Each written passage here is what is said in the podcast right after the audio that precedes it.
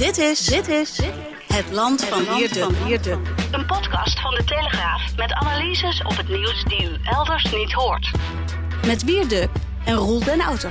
Geert, jeetje, ik heb je al een paar dagen niet meer gezien. Het gaat niet zo goed met je. Hè? We hebben een beeldverbinding. Uh, ik zit naar jou te kijken. Je hebt een petje op. Je zit achter de gordijnen. Wat is er, uh, wat is er aan de hand? Je, was, je klonk vorige week al een beetje grieperig.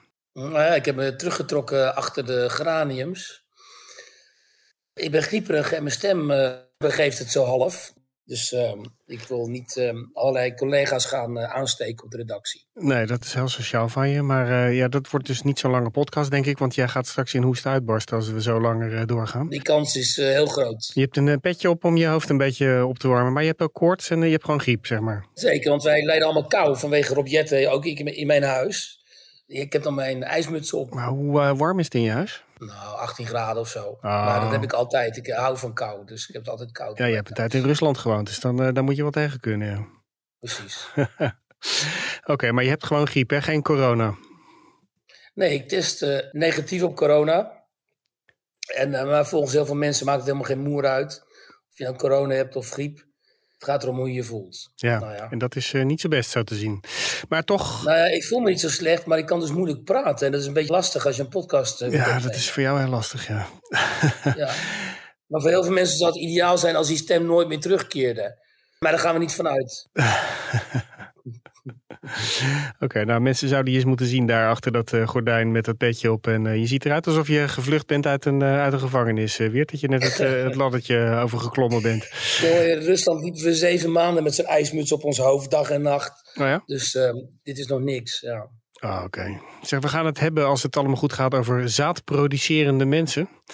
We hebben geluid van huilende raadsleden in Arnhem. Wat daar aan de hand is, dat gaan we straks vertellen. D66 heeft een uh, fantastisch plan om uh, elektrische auto's, Tesla's, voorrang te geven in de stad. En BBB en PVV die tellen niet meer mee als je gaat stemmen in het uh, buitenland op de, voor de provinciale statenverkiezingen. En BBB mag ook niet meedoen aan het debat bij RTL. Daar vind jij ook vast wat van, het verkiezingsdebat. Nou, het hele debat gaat niet door. Het hele, reden, precies, goed, dat was de, jij geeft al meteen ja. het antwoord, geef je al meteen. En we hebben uiteindelijk besluiten we met jou in Nederland. En dat, gaat, dat is deze keer over een, een sportcomplex in Finsterwolde dat gesloten dreigt te worden. En uh, dat is uh, klein plaatselijk leed. Maar Wiert, ja, jeetje, ik uh, durf het bijna niet bijna erover te beginnen. Maar deze week in de Daily Mail had ik, was er een lijstje met 24 woorden. Dat waren harmful terms. Dat zijn woorden die kwetsend of aanstootgevend kunnen zijn. Zo een hele rij. Er Canadese en Amerikaanse wetenschappers die hebben een, een lijst gemaakt van, van woorden die we eigenlijk niet meer zouden mogen gebruiken. Ja. Je mag een man geen man meer noemen, maar dat is een zaadproducerend persoon.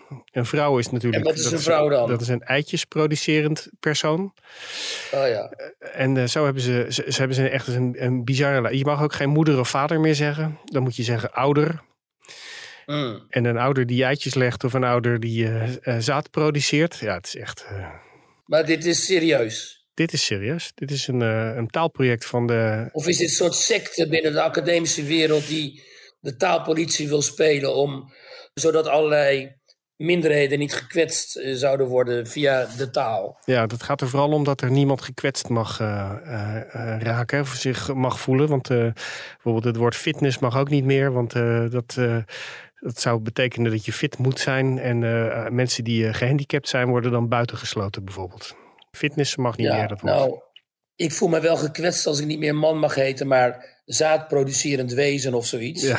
Dus um, dit gaat er weer direct bij het begin helemaal scheef. Maar het sluipt er wel helemaal heel langzaam in, hè, overal. Want wij, uh, we kunnen nu wel zeggen van uh, wat we ervan vinden. Maar oh, drie maanden later uh, wordt het nog vaker gebruikt. En over twee jaar. Hetzelfde is natuurlijk met, met dat soort termen als blank en wit. Als het maar vaak genoeg herhaald wordt. Nou ja, en wij spreken over het N-woord tegenwoordig. We durven helemaal niet meer te zeggen waar het voor staat. Ja. Want dan heb je binnen de kortste keren allemaal woeste hordes uh, op de stoep staan bij de Telegraaf. Ja. Nou, daar, daar, kan ik me, daar kan ik me iets bij voorstellen wel. Maar ik vind uh, woorden als, uh, over, als man, zaadproducerend persoon. Ja, nou ja, kijk, mensen hebben geluk dat ik een te slechte stem heb nu om weer helemaal te gaan uit te leggen wat die woke ideologie aan ondermijnens uh, allemaal voortbrengt. En dit is dus één van die dingen. Maar misschien kunnen we uh, beter de raadzaal van Arnhem voor mij laten spreken. Want daar gebeurde precies alles wat eigenlijk hier nu benoemd wordt.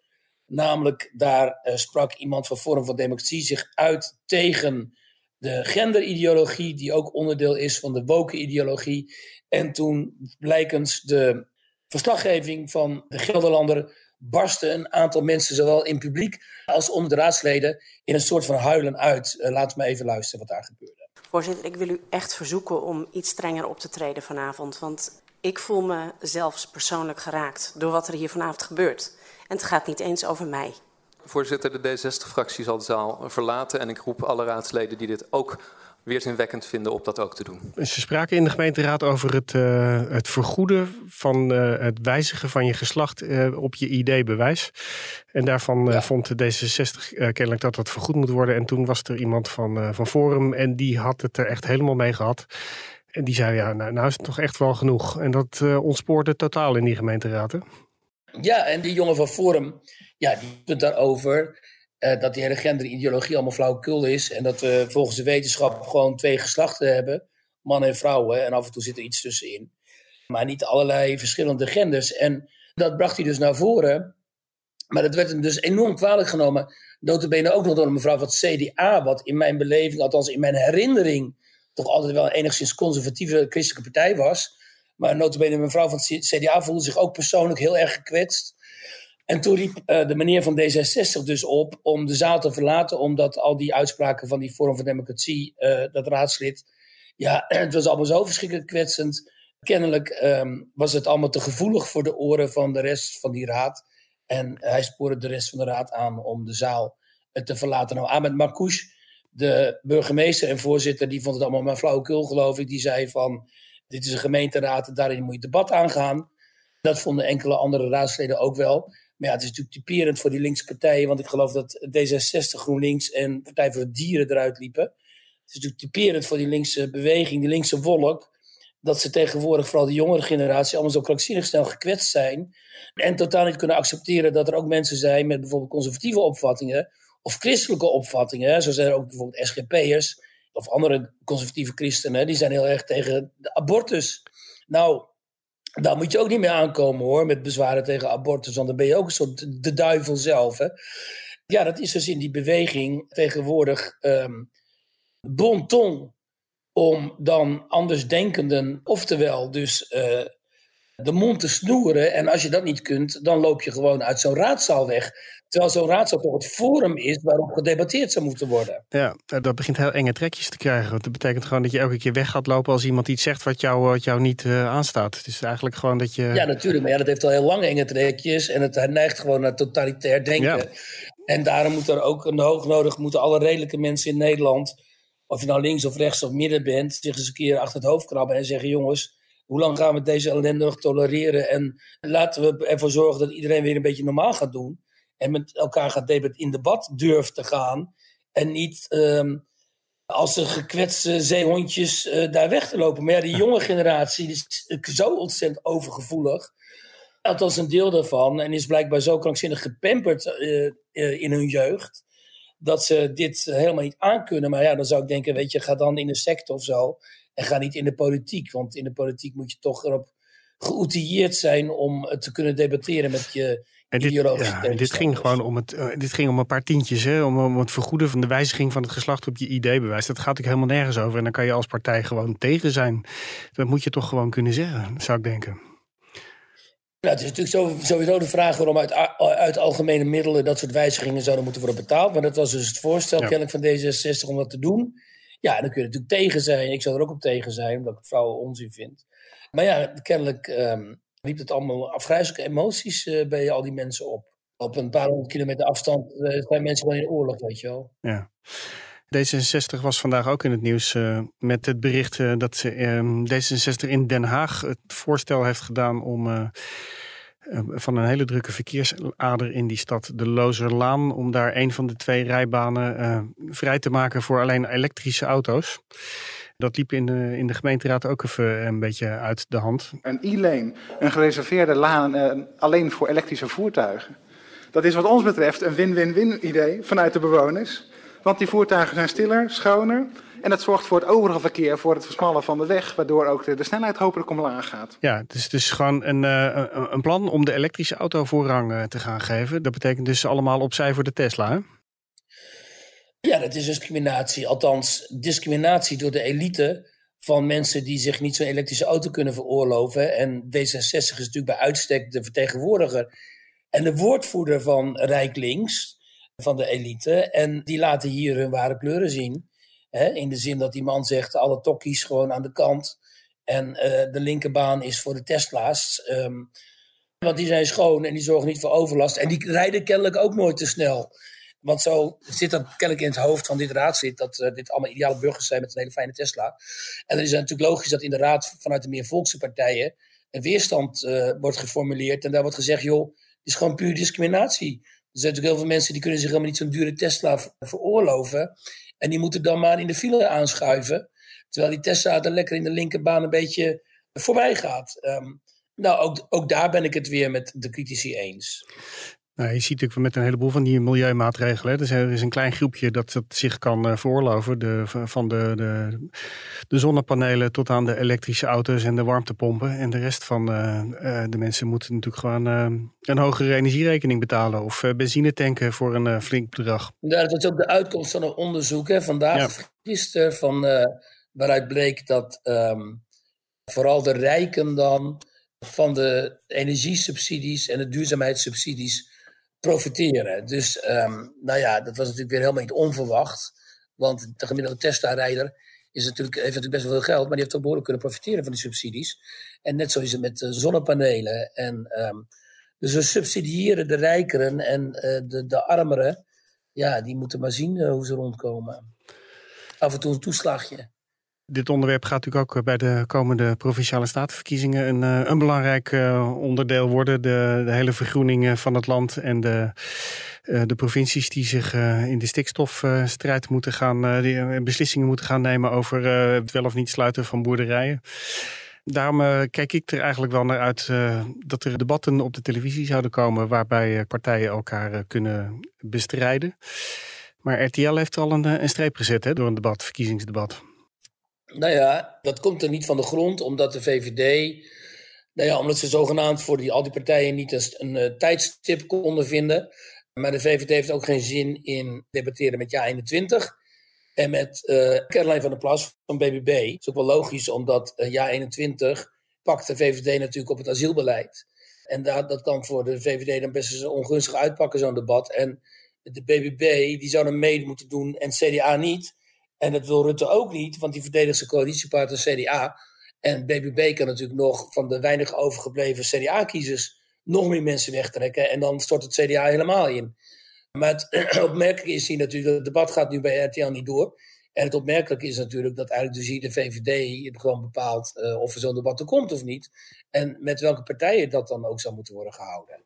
Dat wisten we natuurlijk al wel zo ongeveer, maar is toch wel opmerkelijk dat dat gewoon het geval is. Je kunt natuurlijk ook zeggen, luister, als, als omroeporganisatie of als zender, luister eens, we bepalen zelf wel met wie wij hier een debat willen organiseren. En als je niet wil komen, dan jammer voor jou.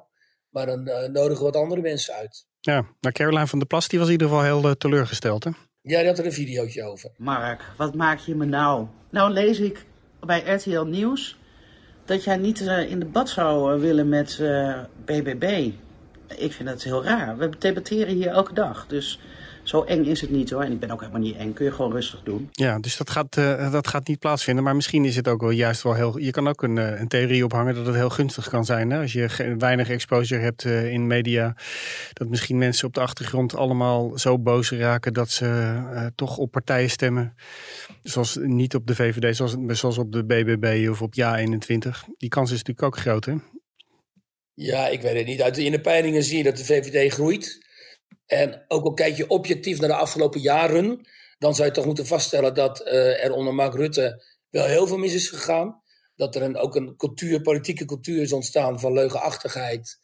Van uh, het verbergen van zoveel mogelijk eigenlijk onaangename zaken. Die, uh, dus van een transparantie nou niet per definitie prioriteit heeft, los nog van alle beleidskwesties die niet goed zijn gegaan, dan is het toch verbazingwekkend dat de VVD nog zo hoog eindigt. En dan kun je toch afvragen, um, aan de ene kant kun je zeggen, toch knap van die Rutte, dan flikt hij het hem toch weer. Ja. Aan de andere kant kun je afvragen hoe, hoe het staat met, uh, laten we zeggen, de politische Bildung, zo heet dat in Duitsland. Dus een politieke, het politieke bewustzijn van grote delen van de Nederlandse kiezers.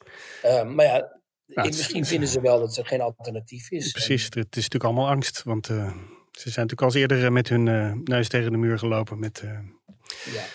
met Forum. Ja, ik denk dat een hoop mensen toch echt gewoon, gewoon bang zijn. Maar dat er toch ook wel, net als de vorige keer was die overwinning van Forum voor Democratie was ook niet voorspeld. Hè? Die was veel groter dan uiteindelijk dan ze eerder gedacht hadden.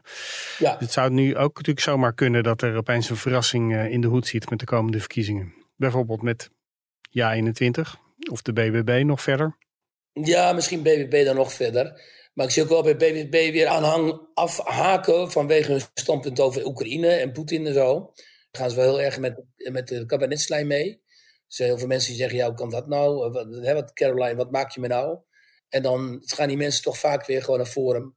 Dus je weet het niet. Maar ja, we zullen het zien. Ik heb geen idee wat Caroline van der Plas over Oekraïne vindt en over Poetin. Eh, dat weet jij wel? Nou ja, die had laatst al met Sjoerd Sjoerdsma van D66 zo'n, ik meen over de fighterjets, een eh, motie ingediend. En dan begeef je natuurlijk wel op glad ijs. Als je gaat pleiten voor gevechtsvliegtuigen voor Oekraïne. Wat een heel heikel eh, punt is. Dus zij gaat eigenlijk zeg maar all in eh, samen met het kabinet en, en met Sjoerd Sjoerdsma.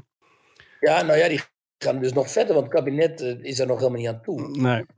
Vooral Sjoerd Sjoerdsma van D66. Ja, maar je ziet hoe dat elke keer gaat. Hè? Er wordt een, vanuit de Kamer een voorstel gedaan en later volgt de regering elke keer weer in deze oorlog.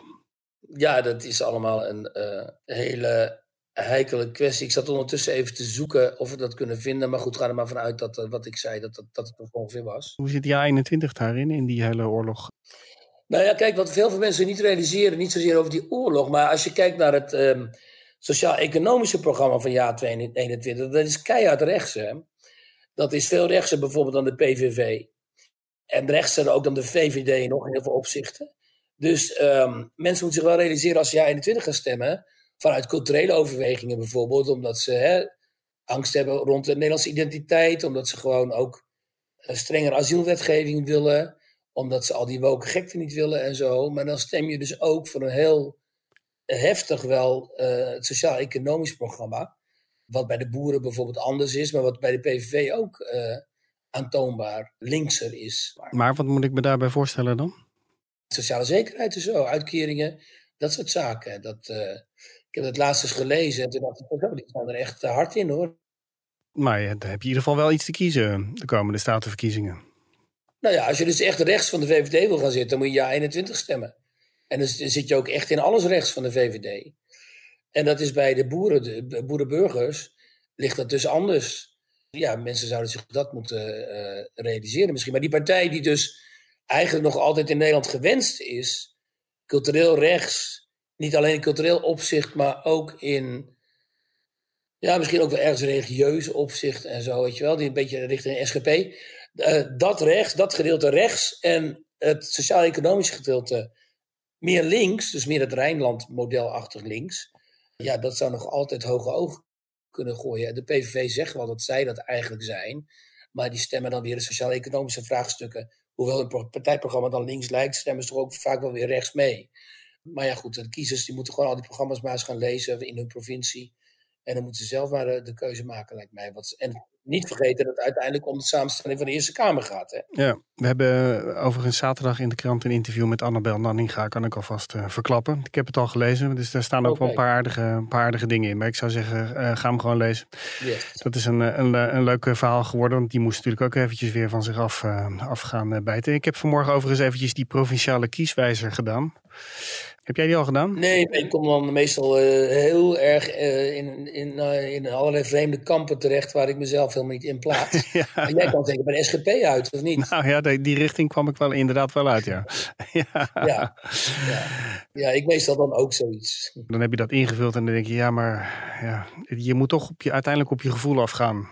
Nou ja, of je kunt principieel, je kunt natuurlijk strategisch stemmen of principieel op een partij waarvan jij vindt dat die het, hè, zoals bijvoorbeeld veel mensen stemmen natuurlijk SGP omdat ze tot die beweging behoren. Ja. Maar ik ken ook wel mensen die niet eens gelovig zijn die SGP stemmen, omdat ze vinden dat die partij staatsrechtelijk gewoon altijd de juiste toon treft en dat het belangrijk is dat zo'n partij vertegenwoordigd is, omdat die een soort van hardcore Nederlands conservatisme vertegenwoordigt. Ehm, dat kan ik ook begrijpen. Maar ik kan ook begrijpen als je boer bent, uh, dat je nu natuurlijk op die boerenpartij gaat stemmen. Ja. Dat, dat, lijkt me vrij logisch. Ja. Het lijkt er tien jaar geleden op dat de SGP een beetje langzaam uit zou gaan uh, sterven. Maar de, ik. Uh, ja, mooi. Nee, die zitten echt wel een beetje in de lift, hè?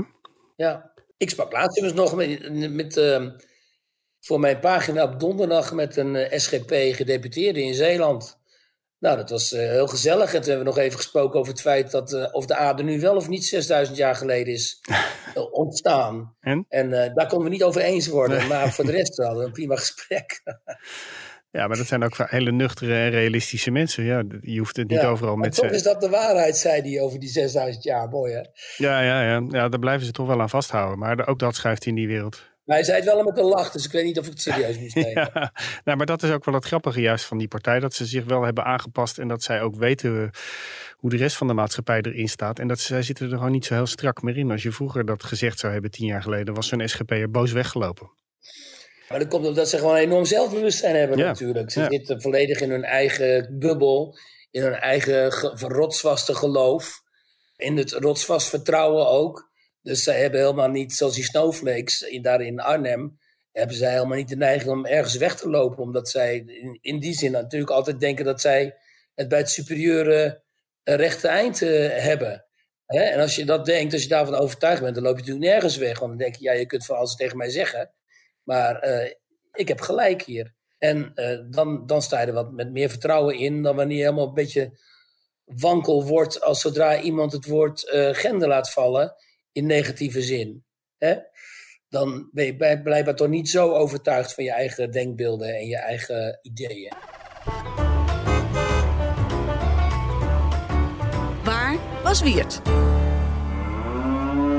Jij bent eh, deze week in eh Finsterwolde geweest, het platteland. Ik weet niet of ze daar ook altijd in hun eigen gelijk blijven geloven.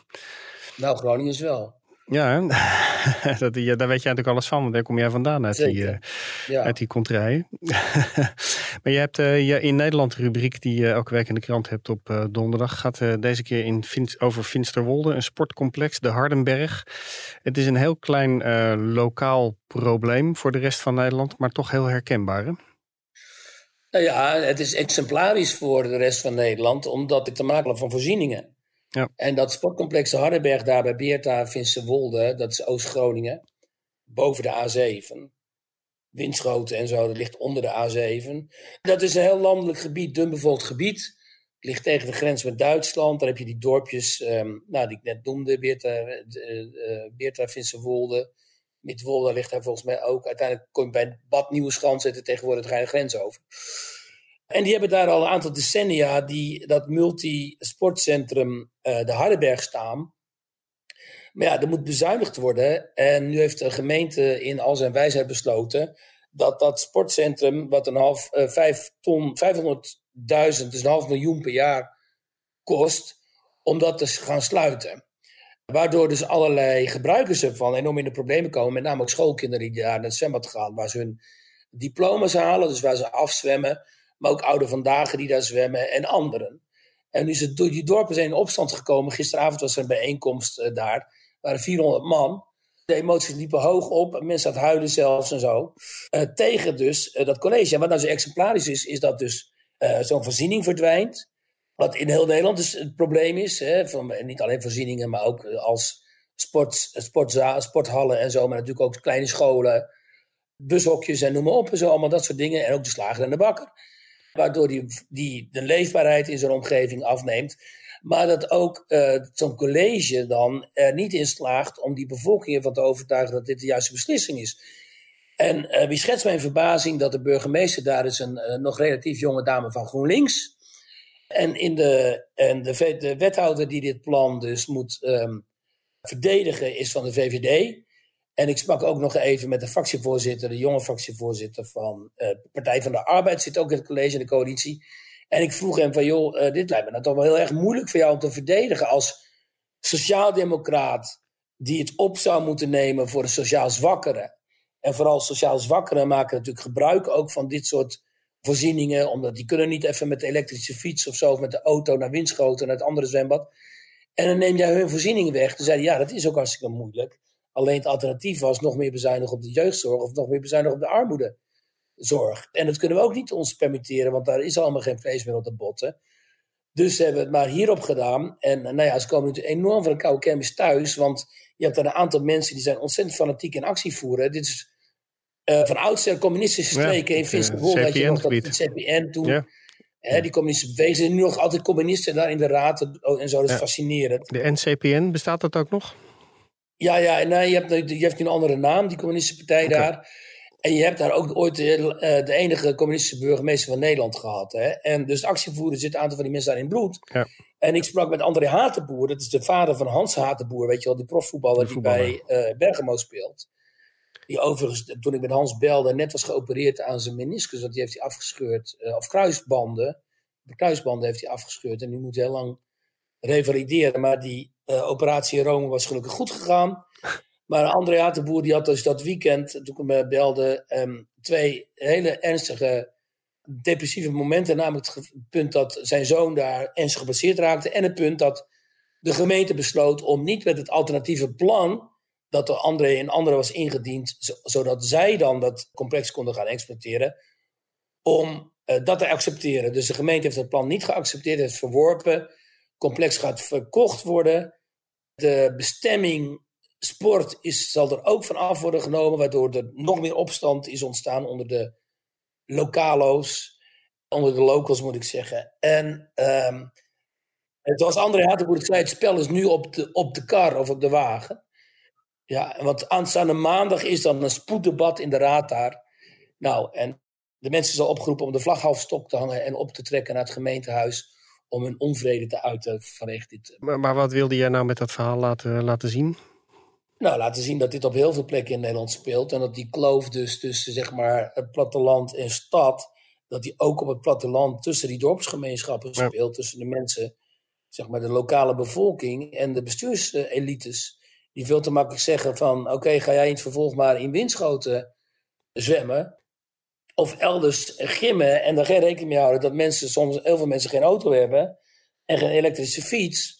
En uh, dat die kinderen dan helemaal niet in Winschoten of elders kunnen komen. Maar is dat dan in, is dat import? Zijn dat mensen die uit de Randstad komen en daar zijn gaan wonen en dan nu daar de besturen vormen? Nee, dat zijn ook gewoon mensen. Gewoon, en dat is een beetje een vergissing die vaak wordt gemaakt, en waar ik ook wel vaak op wijs. Al die, die regi regio's hebben natuurlijk een lokale en regionale elite. Ja. En die mensen het vaak ook heel goed. Hè? Die wonen in mooie huizen, kennen elkaar, zijn welvarend, nemen ook deel aan de politiek, zitten vaak in die colleges. En die hebben net zo weinig, zeg maar, kijk op het leven van de mensen sociaal zwakkeren. als uh, mensen vanuit de randstad kijk hebben op het leven van de mensen in de provincie. Dus het zijn allemaal kloven die door, door het land lopen. Kijk, als ik in de stad Groningen kom. en ik praat daar met de regionale bestuurders en zo. dat zijn ook allemaal mensen die het ontzettend goed met zichzelf getroffen hebben. Net als dat in Amsterdam het geval is of in het Binnenhof in Den Haag. Weet je wel? En die al decennia vaak gewoon actief zijn in zo'n gemeenschappen zo gewend zijn om de lakens uit te delen, gewend zijn om de macht. En ook niet schromen om elkaar ook, weet je wel, uh, uh, projectjes toe te schuiven en zo. En dat soort dingen. En dat is overal zo. En ja. um, uh, ik zeg niet dat in dit geval in de gemeente Old Amt, want zo heet dat, dat daar sprake zou zijn van corruptie of zo, helemaal niet. Maar je ziet wel hier dat er een, in beleving althans, een behoorlijk gat gaapt tussen dat college van BMW en die burgers die daar uh, gaan demonstreren. Ja, het grote gat tussen de bestuurders en de, de lokale bewoners. Wat jij altijd ja, in jouw rubriek altijd uh, naar voren laat komen. Wiert, ik denk, uh, ja, we zijn nu een half uurtje verder en uh, je stem, uh, vorige keer leefde die helemaal op uh, hoe langer we aan het praten waren. Maar het, het, wordt, het wordt niet echt beter, hè? Nee. ik ga even thee met honing maken, denk ik. Ja, precies. Ik denk dat, je, dat we er gewoon even een eind aan moeten breien. Ik hoop dat we volgende week jou hier weer in volle gezondheid op de redactie en in de podcaststudio kunnen zien. En dan gaan we gewoon verder. Ja, dat hoop ik ook. Sterkte. Kerel, dankjewel. Jo.